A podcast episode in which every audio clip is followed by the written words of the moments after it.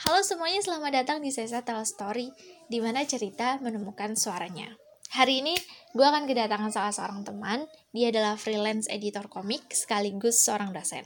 Dia udah kerja dari di komik. Eh gue ketemu sama dia itu di uh, Cosmic. Nah, nanti hari ini kita bakal ngomongin soal uh, serba-serbi kerjaan dia sebagai editor, ngerjain komik, itu ngapain aja. Uh, tapi sebelum itu gue mau ngenalin tentang project Sesa Tell Story. Ini adalah project yang sangat personal karena ini menyangkut tentang gimana gue mengambil inspirasi dan pelajaran dari orang-orang sekitar gue. Tapi emang terbitnya suka-suka gue banget. Nah, kalau kalian merasa uh, pengen untuk ngeliat uh, atau baca-baca, kalian bisa cek Instagram @sesatelstory. Di sana udah ada empat episode, mulai dari personal development, menghadapi kegagalan, love yourself, menerima kekurangan diri sendiri, kemudian uh, ada juga tentang disiplin diri dan yang terakhir manage ekspektasi supaya caranya bertahan di saat angka menjadi standar kesuksesan. Ya, semoga kalian menemukan hal yang menarik juga di sana. Dan kalau ada input, silahkan DM gue atau DM di @sesatalstory. Ya udah, langsung aja gue undang uh, orangnya ke ruangan ini. Daniel Fahmi, halo Dan, apa kabar? Halo, apa kabar? gue deg-degan karena sekarang yang gue interview itu bukan cuman uh, teman tapi juga dia dosen jadi kayak gue jadi gimana dan? Uh, lo mulai uh, join bener-bener join secara profesional ngerjain komik itu kapan dan? Basically itu mungkin gue sekitar tahun 2014-an 2014-an tuh udah komisi ke beberapa orang. Oh. cuman untuk masuk ke industri secara profesional tuh baru tahun 2016 concern gue waktu itu jadi editor komik. Mm-hmm. itu di Cosmic jadi emang Cosmic itu emang tempat pertama gue bekerja secara penuh dan dan bekerja sebagai editor komik secara penuh dan dan tempat belajar juga di Cosmic dulu wow. karena di sana banyak teman-teman yang Biasa. yang apa punya kapabilitas yang bagus-bagus ya ya ya uh, gue setuju sih tapi berarti lo sebenarnya sudah tertarik pengen berkarya di dunia komik tuh jauh sebelum itu ya? Jauh, jauh sebelum itu kan ya karena waktu kecil bacanya komik ya, terus ya. kemudian setelah mulai tumbuh dewasa kayak mulai tertarik ini gimana caranya bikin komik kayak gitu. Oke. Okay. Akhirnya ya, ketika lulus kuliah gue mutusin buat yaudah deh coba full time di komik deh gitu. Gimana gimana karena kalau kita langsung uh, kalau kita sebagai penikmat doang kita kan nggak nggak tahu hmm. keadaan sebenarnya komik Indonesia kayak gimana nih. Yeah, yeah. Uh, apa yang mesti kita lakuin apa kalau kita pembaca doang kan kita supportnya paling cuma beli doang gitu. Uh. Beli doang ataupun mungkin bisa bikin review tapi kan kalau seandainya uh, kita turut bekerja di sana uh, kita bisa turut uh, apa ikut andil dalam uh, komik Indonesia yang ketika itu sedang menggeliat gitu. Kan waktu itu mengerami banget tuh tahun 2016-an gitu. Uh, uh, uh, lagi mulai ini ya, mulai ramai yeah. orang bikin. Berarti ya.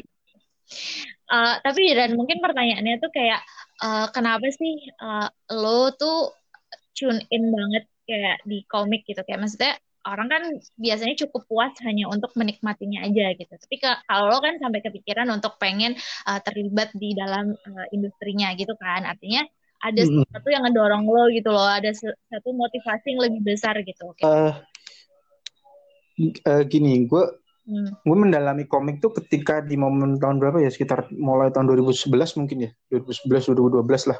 Okay. Ketika itu kan memang komik komik Indonesia sedang mulai mulai bergerak tuh, mulai bergerak. Uh, dan kalau boleh gue sebut salah sebut salah satu penggeraknya tuh ada Akademi Samali. Hmm. Akademi Samali itu yang mengelolakan Mas Beng Rahardian salah satunya. Nah, gue waktu yeah. kuliah di Jogja, gue kuliah di Jogja btw. Waktu gue yeah. kuliah di Jogja, itu Mas Halo, Beng ya. tuh sering ke Jogja ke Jogja bikin acara gitu hmm. bikin acara terus kayak gue ngelihatnya wah ini komik Indonesia ini sedang bangkit nih setelah tahun 90-an mati suri gue pikir yeah. kayak gitu kan yeah. Nah, pikir mati suri nah terus kemudian karena ketika itu uh, ya euforianya sedang euforia kebangkitan jadi kayak semangatnya tuh tinggi bener waktu itu yeah, yeah. tahun sekitar tahun 2012 2013an semangatnya tinggi sering bikin acara komunitas hmm. sering ketemuan terus sering bikin komik bareng gitu. Hmm. Nah, okay. uh, perkaranya ketika itu gue bukan dari kampus seni, gue dari kampus biasa. Uh, eh, GM apa biasanya dan, dan ya maksudnya kayak bukan yang concern buat bikin komik kayak di DKV gitulah. Uh, Oke. Okay. Nah gue gue kuliahnya di sastra, sastra which is uh, kuliahnya memang uh, buat uh, menilai suatu karya, mengapresiasi suatu karya gitu. Dan gue sempat melakukan itu, gue nulis review tentang komik, gue menulis makalah tentang komik, bahkan skripsi gue waktu itu komik.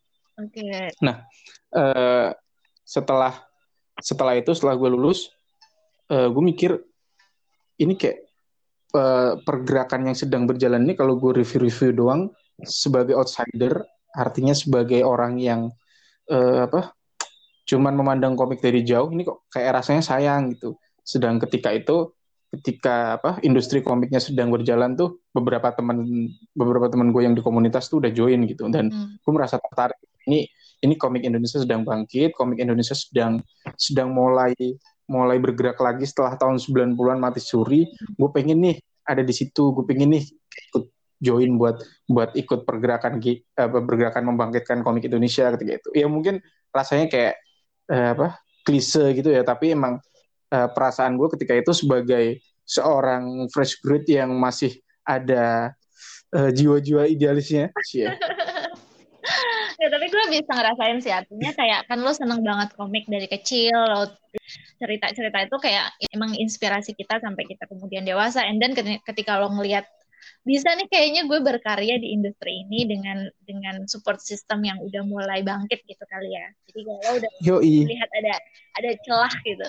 Kayak gue bisa nih social climbing ke Jakarta gitu kan berkarya di dunia komik. Terus uh, kemudian uh, lagi dan yang ini adalah pertanyaan yang sering banget gue tanyakan uh, karya apa yang paling berkesan buat lo dan dan masih lo inget sampai sekarang gimana komik tuh ngubah lo gitu loh kayak kok uh, gue baca komik gitu maksudnya hmm. komik yang gue baca iya ya komik yang oh. lo baca kemudian means anything yang bikin lo tuh kayak punya hubungan yang dekat gitu dengan komik kalau kalau gue sih tumbuhnya dengan Dragon Ball ya. Ah.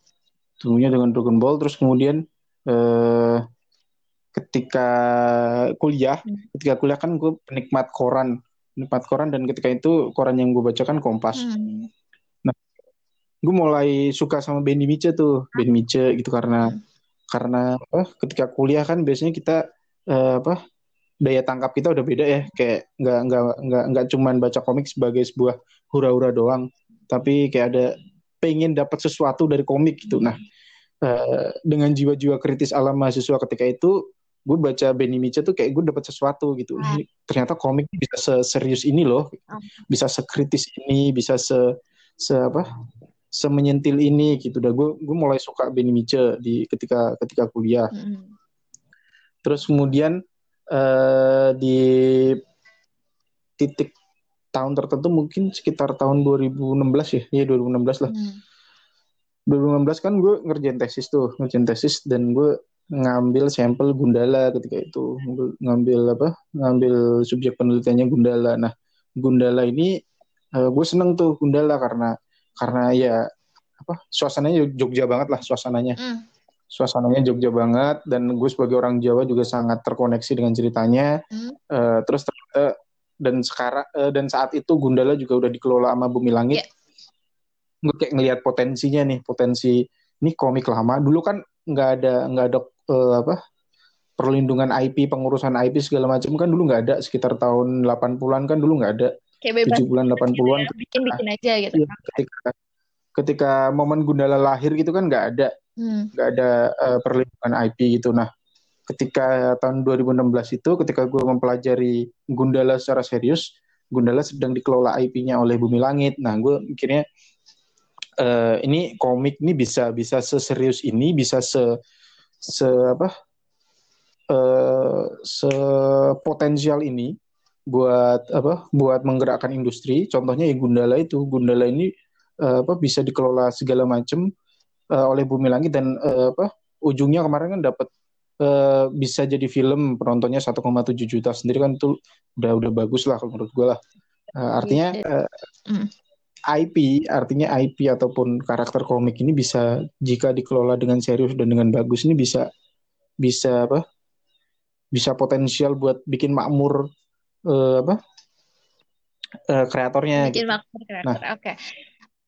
iya uh, oke okay. berarti artinya uh, lo kayak melihat hmm. Apa ya komik itu sebenarnya awal mula dari berbagai macam konten kreatif gitu kayak bisa di, di karena kan lo tadi bilang bisa dikembangkan segitu gedenya, segitu besarnya.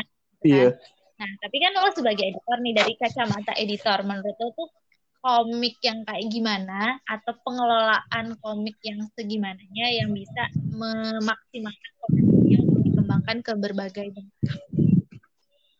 Uh, kalau pengen pengen komiknya apa uh, punya daya jangkau luas, kita kita ya mesti kita mesti mempertimbangkan pembaca banget gitu. Kayak kita nggak bisa uh, apa terlalu idealis terlalu apa uh, punya hasrat untuk berkesenian secara membabi buta itu itu uh, kalau menurut gue perlu di, diturunkan ego seperti itu perlu diturunkan karena mau nggak mau ya emang karya yang bagus itu karya yang yang apa sesuai dengan pembaca gitu dan kalau pengen uh, pengen dibaca secara luas ya ya kita lihat aja dulu sekarang uh, sekarang itu yang dibaca uh, apa netizen itu seperti apa sekarang itu yang sering dibeli oleh uh, pembaca itu seperti apa nah kita kita kalau ingin kalau ingin apa uh, ingin bisa memanfaatkan IP secara luas ya mau nggak mau kita harus menyesuaikan dengan pembaca kayak gitu. Mm-hmm.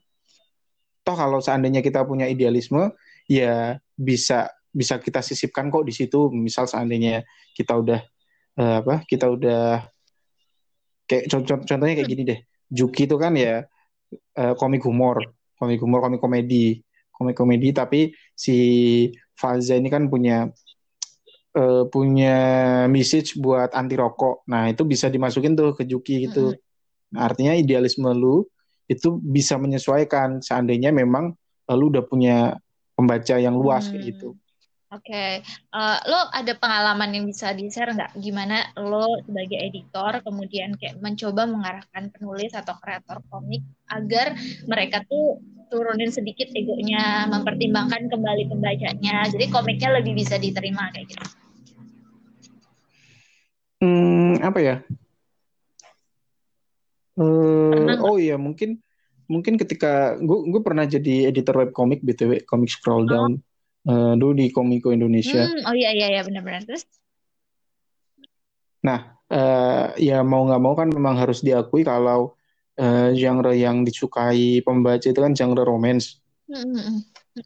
Nah, gue berusaha, berusaha me, apa, me, uh, mengajak komikus gue untuk uh, sedikit menyesuaikan diri dengan dengan dengan pembaca karena kalau memang dari awal udah kita paksa oh, pokoknya saya mau genre sport uh, sorry sport uh, kita mau uh, genre horor yang terlalu dipaksain tanpa kita berusaha untuk menyesuaikan diri ke pembaca uh, nanti jatuhnya pembaca kita dikit gitu dan se semulia apa pun message iya.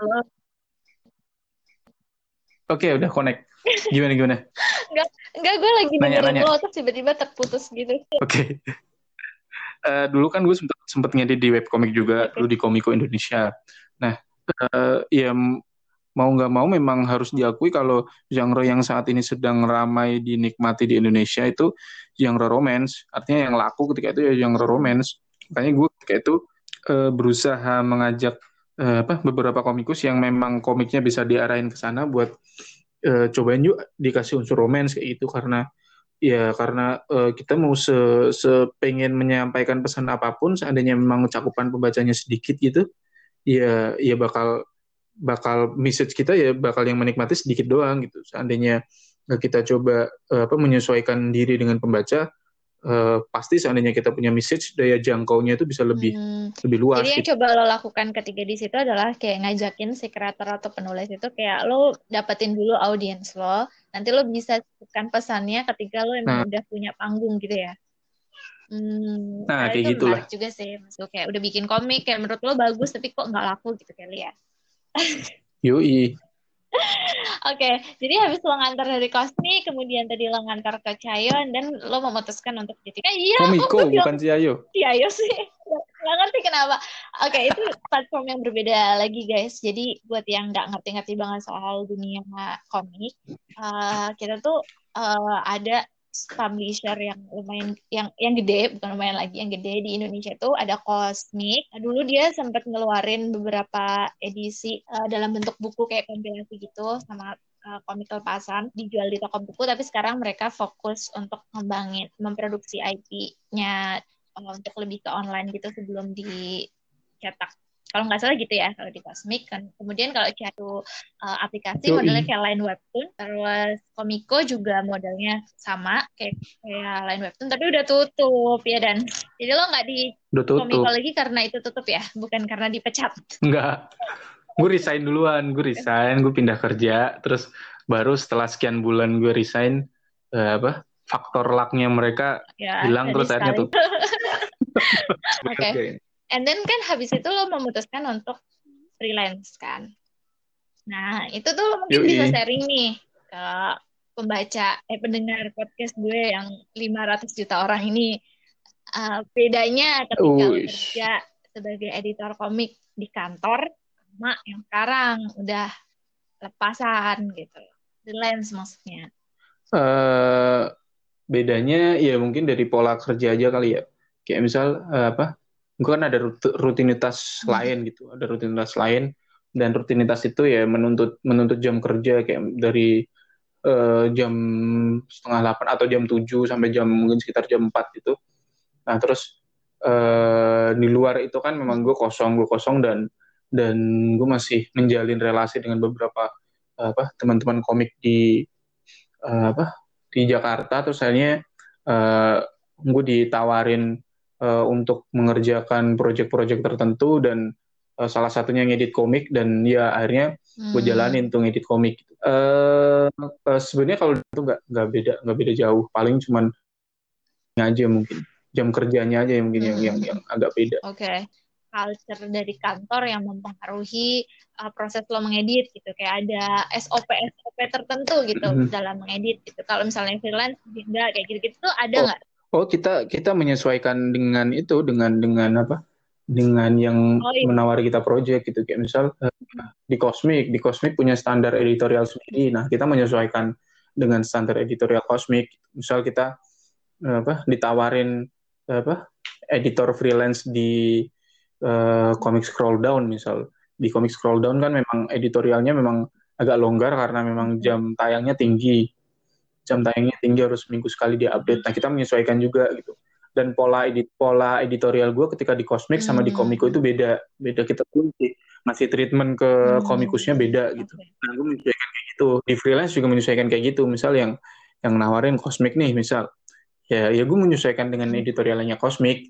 Cuman mungkin bedanya kalau kalau di di kantor gitu uh, suasana suasana kerjanya memang mendukung karena karena teman-teman satu profesinya banyak, teman-teman satu passionnya banyak itu jadi seandainya mau ngedit mau apa bisa minta pendapat uh, teman-teman lain gitu. Tapi kalau uh, freelance itu kalau minta pendapat lumayan susah karena terhalang jarak gitu. Jadi kita harus jeli buat memanfaatkan uh, apa waktu aja. Gitu. jarak ya. Uh, lebih ke mengelola waktu, terus kemudian mengelola mood kerja gitu. Mungkin lebih apa ya tips atau trik tips dan trik uh, gimana sih biasanya lo mengatur waktu lo supaya kayak kualitas lo ketika lo ngantar sama yang ketika lo freelance itu tetap sama. Terus gimana lo kayak manage-nya ketika lo harus switch on off ke berbagai standar yang berbeda. Kalau freelance kan mungkin lo memungkinkan banget kan lo terima uh, beberapa proyek bagus dan hmm. standar yang berbeda dalam waktu yang hmm. sama gitu. Kalau freelance kan mungkin lo harus kayak yang tadi lo bilang harus nyesuaiin yang kasih kerja tuh maunya apa. Uh, di awal mungkin kayak gini. Uh, lu lihat dulu pak si penawar apa project itu siapa gitu. Lu bisa bisa kira-kira meraba lah standarnya mereka itu seperti apa gitu. Terus kemudian lu tanya dulu uh, apa uh, timelinenya, uh, waktu pengerjaannya gitu karena biasanya semakin semakin sempit waktu pengerjaannya itu semakin longgar proses editorialnya. Artinya kalau memang tuntutan produksinya cepat, jadi editorialnya juga harus menyesuaikan gitu. Kita nggak bisa terlalu ketat dalam meng, merevisi naskah ataupun uh, gambar gitu. Nah kita hmm. sesuai, sesuaiin dulu. Uh, terus uh, itu dari dari dari apa? Dari awal dari awal kita memulai. Terus kemudian ketika ketika bekerja ya uh, atur jam kerja sebaik mungkin sih. Kayak kita mesti mesti uh, mesti tahu prioritas gitu. Kita mesti tahu prioritas. Kayak kalau kita memang harus kerja dari pagi sampai sore, uh, ya udah itu itu itu kita selesaiin semuanya di situ gitu. Kalau keluar situ kita baru bisa uh, apa? Uh, misal kita mau ngerjain yang lain-lain juga hmm. juga bisa gitu. Uh, terus uh, ini sih kayak pertemanan tuh jangan jangan di yes. dilepas. Artinya kayak misal uh, mood yang biasanya terbangun karena misal gue sebelumnya di Kosmik bertemu teman-teman dan berdiskusi tentang komik uh, mood itu kan uh, apa uh, sedikit hilang ketika gue bekerja di tempat lain yang orang-orangnya nggak satu passion sama gue nah uh, gue berusaha uh, berusaha tetap menjalin komunikasi dengan teman-teman baik itu di sosmed ataupun di apa uh, messenger gitu chat pribadi gitu. Uh, gue ya ya apalah berdiskusi ataupun gibah-gibah juga nggak apa-apa gibah-gibah komik. Baiklah. Ya yeah. ya at least at least kita kita tetap tetap punya uh, apa tetap punya komunikasi yang sehat dengan teman-teman kita. Gibah nggak terlalu sehat sih. Nggak bisa kayak uh, komunikasi yang mem, uh, menghidupi passion okay. kita tuh masih masih berjalan kayak gitu karena itu itu yang yang apa yang salah satunya bikin semangat dalam hmm. bekerja juga. Iya sih, gue ngerasain banget sih dan kan uh, waktu gue nggak di kan gue masuk ke industri yang berbeda gitu kan. Terus kemudian kayak gue tiba-tiba kayak lost kontak dengan teman-teman yang ketemuan sebentar itu tuh kayak bisa refill lagi gitu loh energi lo yang kayak sebelumnya gitu ya. Mungkin lo nggak temukan di, di di kantor lo yang baru atau di tempat lo yang baru dengan orang-orang yang berbeda. Ini kenapa kita jadi nostalgia ya? tapi kemudian uh, gue jadi kepikiran uh, mungkin lo sebaiknya menjelaskan lagi pekerjaan editor komik tuh ngapain sih? Karena gue yakin banget nih uh, teman-teman gue yang akan yang mungkin mau mendengarkan podcast ini uh, uh, yang 500 oh, yang 500 juta, juta itu, ya? ngerti itu kayak editor komik tuh kerjanya ngapain? Kan gampang ya cuman ngedit-ngedit doang Pokoknya pada prinsipnya editor itu uh, untuk quality control, untuk menjaga kualitas dari hmm. karya yang kita produksi. Uh, nah, uh, proses editorial kalau dari buku, misal buku novel gitu kan, editorialnya biasanya, biasanya tuh uh, mengawal proses dari mulai konsep cerita, terus di, di, dibantu nulis, kalau perlu dibantu nulis, terus cek spelling segala macam itu kalau di buku. Tapi kalau di komik, uh, ya sama, hampir-hampir sama. Gue dari awal nemenin kreator buat bikin konsep cerita, mereka punya konsep cerita apa, ntar coba gue tanya-tanyain, kalau memang dirasa ada yang kurang pas, gue tambahin, eh ini kayaknya bisa nih ditambahin kayak gini, ini bisa nih kayaknya seandainya eh, apa diubah kayak gini, itu dari konsep cerita. Terus uh, mereka mulai nulis ceritanya, mulai nulis ceritanya juga gue gue kawal seandainya uh, apa tulisannya itu ada yang kurang pas, kurang logik terus sampai ke proses pengerjaan proses pengerjaan sendiri uh, uh, dari hmm. awal kan bikin sketsa dulu bikin sketsa dulu itu uh, apa dibikin sketsa di bagian storyboard gitu itu gue uh, apa itu termasuk hmm. momen-momen vital gitu kita bikin gambar kasar dulu lah gitu sebelum sebelum bikin gambar serius nah itu itu momen-momen vital karena uh, apa sebelum melangkah ke uh, proses menggambar lebih jauh kita masih bisa kita masih mudah nih seandainya uh, mengubah posisi karakter, mengubah uh, gestur tokoh, mengubah background segala macam itu uh, masih mudah karena hmm. masih dalam bentuk sketsa.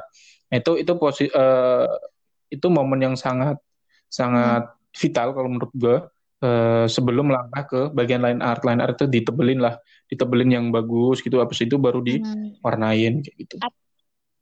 Nah itu uh, sampai sampai bagian ngewarnain terus sampai bagian lettering ataupun texting itu ketika menuliskan teks gue cek hmm. juga ejaannya bener apa enggak uh, bahasanya sesuai uh, ragam bahasanya sesuai target pembaca atau enggak jangan sampai kita bikin komik sejarah tapi bahasanya bahasa anak kekinian banget gitu. Nah itu itu kadang yang yang uh, apa perlu perlu gue koreksi. dalam semua proses pembuatan komik itu ya editor dari dari awal dari pas ide iya. itu tercetus sampai akhirnya kemudian dituangkan dalam panel per panel.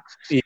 Nah uh, menurut lo dan kalau pengetahuan apa yang paling penting dan harus banget dipunyai biar dia jadi editor yang baik? Pertama tahu tahu teori komik ya paling enggak uh, sudah hatam nah, bukunya Scott McCloud belajar teori komik terus kemudian banyak baca komik juga banyak baca komik eh, ya paling enggak baca yang sesuai kebutuhan yang mau lo edit lah kayak gitu misal kalau ada apa gue biasanya masih hmm. gue masih sering nih seandainya ketika ngedit uh, gue lihat stylenya stylenya kayak misal style manga gitu uh, apa hmm. kebutuhan ceritanya ala manga gitu jadi gue gue baca manga gue baca manga yang panelingnya seperti ini yang kayak misal gue di, di, diminta ngedit buku yang apa western gitu yang kayak komik Amerika banget ya yeah, gue iya, baca yeah. komik Amerika gitu. baca-baca aja sesuai kebutuhan nah dan dan yang penting dari editor yang kadang kadang orang uh, orang nggak begitu tahu selain kerja teknis itu harus bisa manage editor ini ini uh, editor ini sebenarnya kayak manajer juga sih.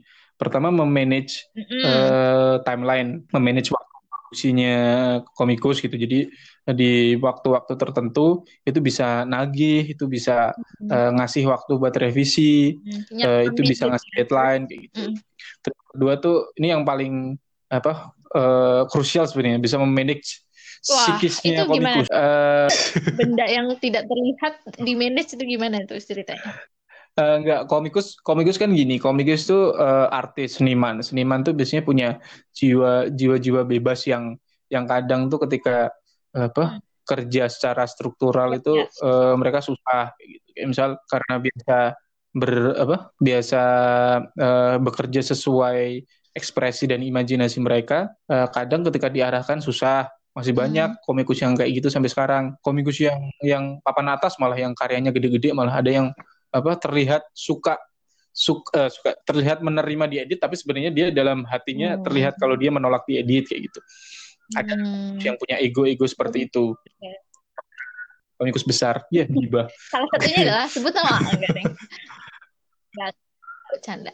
Uh, janganlah. Uh, nah uh, kita harus harus bisa memanage uh, ego-ego mereka yang seperti itu gitu. Kayak misal uh, gue sempet ada kasus beberapa kali kayak misal uh, komikus masing-masing hmm. daerah kan beda kultur dalam bekerjanya kan beda gitu ya kalau yang di deket-deket ibu kota gitu biasanya kultur kerjanya kuat jadi mereka kayak uh, dalam bekerja tuh dalam mematuhi deadline itu uh, bisa bagus gitu sementara di daerah lain mungkin ada yang karena ritme kerjanya hmm. ritme hidupnya cukup pelan jadi kayak ketika bekerja tuh nggak nggak se se apa etosnya nggak oh, sekuat okay. yang teman-teman di Jakarta itu juga ada gitu. Gue misal ada ada kasus kayak gini, komikus tuh uh, telat telat telat nyetor, telat nyetor. Gue tanyain, Mas kenapa telat nyetor Mas? Uh, maaf Mas, saya habis ngecat gardu. Terus uh, ada juga yang kayak uh, apa? Uh, pembaca komiknya turun misalnya, impresi komiknya turun. Terus, nah kita harus bisa mengelola apa mengelola kata-kata yang baik untuk disampaikan kepada mereka gitu. Jangan sampai ketika kita kasih tahu mas pembacanya turun nih. Nah mereka kemudian drop terus malas bikin. Nah itu hmm. itu yang yang harus kita hindari gitu. Misal kita ajak kita ajak hmm. ngomong ya misal aja kita ajak ngomong ini kayaknya uh, kita perlu perlu apa bikin strategi baru nih biar pembacanya tetap naik gitu. Kita perlu apa? Misal kita perlu uh, kasih uh, unsur-unsur atau bumbu-bumbu apa di cerita biar tetap naik hmm, pembacanya kayak okay. gitu kayak gitu kayak gitulah. Jadi jadi editor tuh harus berempati banget gitu ya, kayak menyesuaikan sama karakter masing-masing ya. orang yang mungkin dan komikus juga jangan merasa terintimidasi dengan editor kayak editor tuh partner sebenarnya editor tuh nggak mungkin nggak mungkin uh, apa menjatuhkan karya kamu kecuali editor itu yang memang memang tidak tahu diri editor niat bikin komik jelek gitu kan kayaknya jadi, jadi, jahat banget gitu ya. Ngapain jadi editor kalau akhirnya nah, makanya kayak apa uh, editor tuh partner kerja gitu. Jadi uh, apa banyak banyak membantu dan uh, banyak banyak hmm, diajak okay. diskusi itu juga. Uh, ketika artis atau penulis komik gak cocok sama editornya terus minta ganti gue nggak mau kerja sama Daniel dia rese males. Gue adanya komikus yang sebelum mulai oh. ngerjain komik udah request dulu. Gue maunya sama Daniel oke okay, oke. Okay. harusnya gue tahu jawaban ini kan. Gue gue gue cukup percaya sih lo sebagai editor tuh uh, profesional banget. Ada sih beberapa beberapa komikus yang yang request di awal gitu. Uh, gue pengennya sama komikus ini aku pengennya sama uh, aku pengennya sama editor ini kayak gitu. Nah, ada nah, beberapa yang kayak gitu di industri komik tuh uh, editor tuh bukan sesuatu yang kayak ditakdirkan hadir di hidup lo gitu lo bisa milih gitu intinya kan bisa bisa milih dan uh, enaknya kalau kita kenal editor-editornya kita bisa menyesuaikan uh, menyesuaikan uh, sama gaya bercerita kita. Menurut... Misal uh, Oktober Bing kan ini memang apa dia punya minat hmm. minat besar ke sejarah gitu. Jadi ketika ketika bikin komik sejarah gitu agak nyambung ya. sama gue. Terus ketika ketika di Komiko kan lima menit sebelum tayang komiknya yang tentang awak media, hmm. awak stasiun TV itu kan uh, tayang di Komiko dan ketika itu gue tanyain mau nggak gue edit kayak gitu eh gue ngomong sama temen gue dia bukan ngomong ke Okto uh, Okto mau nggak sama gue gitu. nah cuman temen gue ini yang yang editornya Okto dia oh. sebelumnya oh. kerja di Net TV nah artinya memang secara secara, secara case tuh dia memang uh, lebih menguasai lebih menguasai dari gue gitu jadi ya apa yang kayak gitu ya memang apa memang bisa terjadi gitu dan dan Okto ketika ngedit dengan dengan si teman gue ini pastinya lebih kontekstual daripada ya, sama gue okay. gitu. Di hmm. apa namanya? Jadi si lima menit sebelum tayang itu kan awalnya tayang di Cosmic, kemudian pindah ke Komiko. Dan itu bukan yeah, lo yang ngedit, ya? gue pikir masih lo sih. Bukan, okay. bukan, bukan okay. gue. Dan uh, maksudnya menurut lo sendiri nih dan kayak seberapa besar sih intervensi editor ke dalam cerita?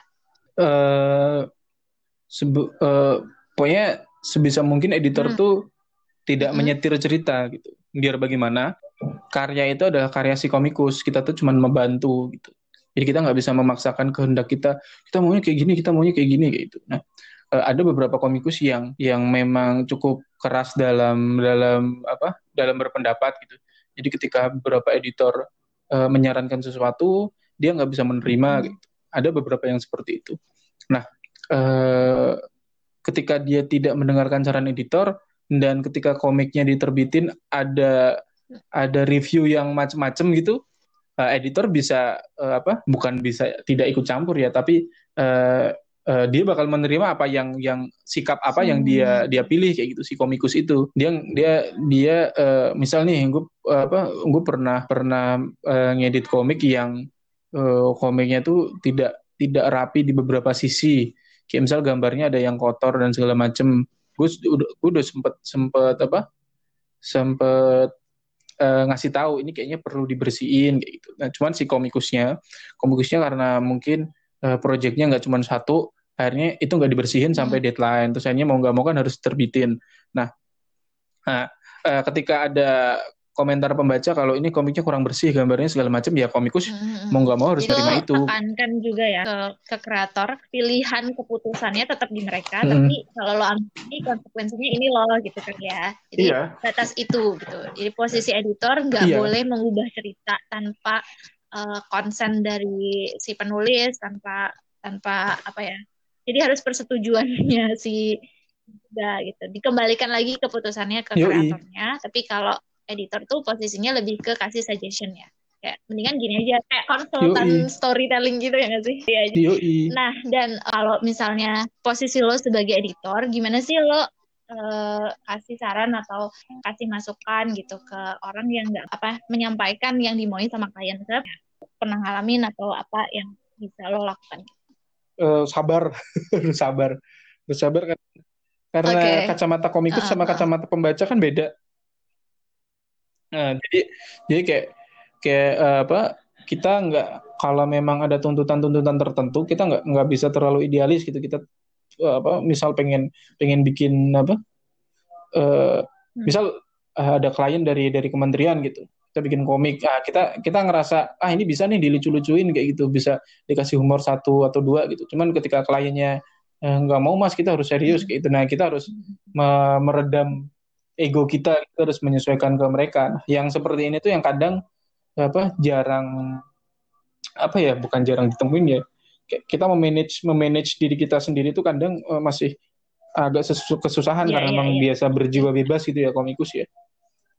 kita kita harus ya klien itu adalah raja gitu. dan dan dan kita harus uh, apa bisa iya, sabar iya. dalam menghadapi mereka dan maksud gue sambil ini uh, apa kalau temen gue ada yang yang kalau temen gue desainer sih okay. bukan komikus tapi bisa diterapkan di ketika bikin komik hmm. temen gue ngasih ngasih deadline revisi ngasih batas revisi ya. Cuman itu tantangan Susah. sih, maksudnya kayak, nah, uh, yo next.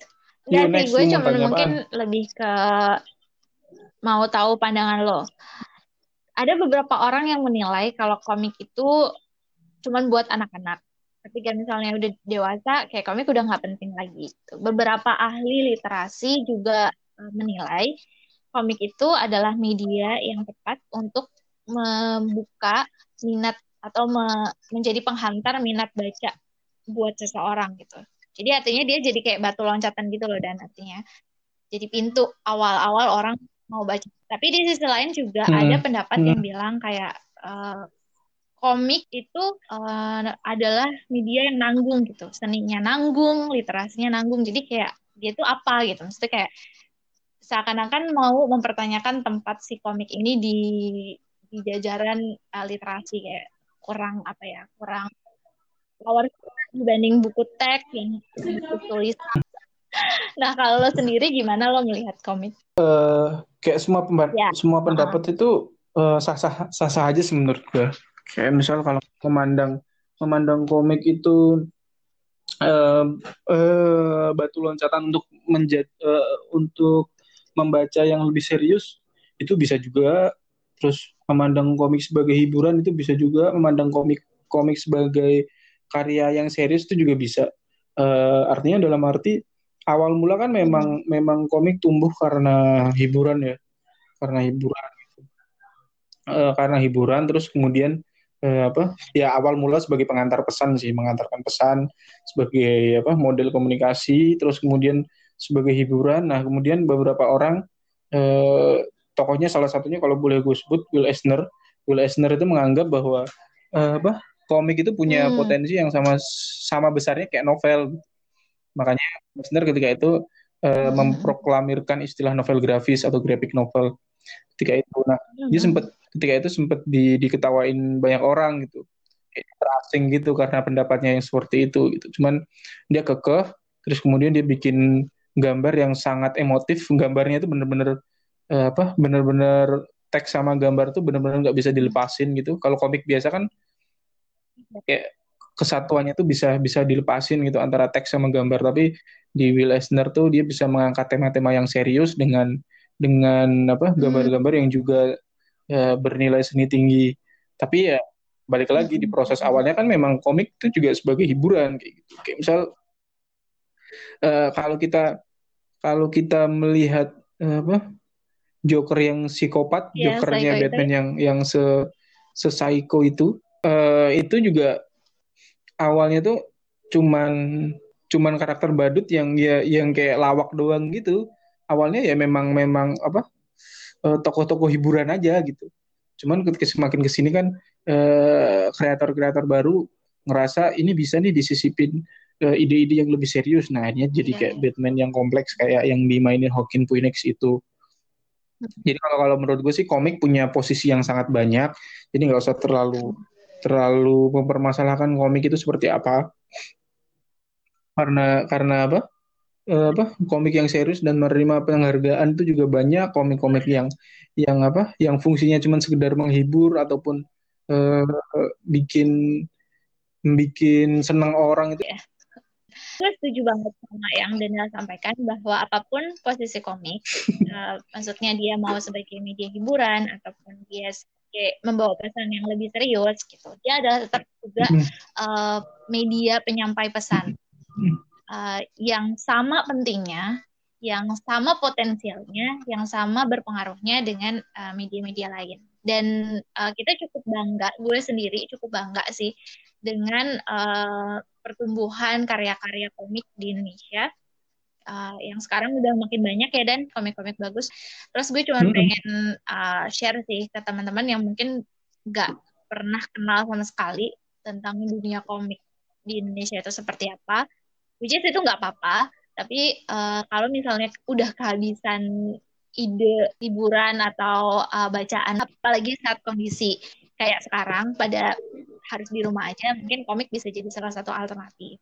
Nah, mungkin nih terakhir kali Dan, lo bisa rekomendasiin nggak ke 500 juta pendengar podcast gue komik-komik yang bisa dibaca selama work from home atau uh, di rumah aja gitu. Momen di rumah aja. Gitu. Ya, komik scroll dan yang apa berkualitas uh, itu ada Code Helix. Uh, uh, jangan lupa baca Code Helix. Adanya di mana Dan? di webtoon, line webtoon.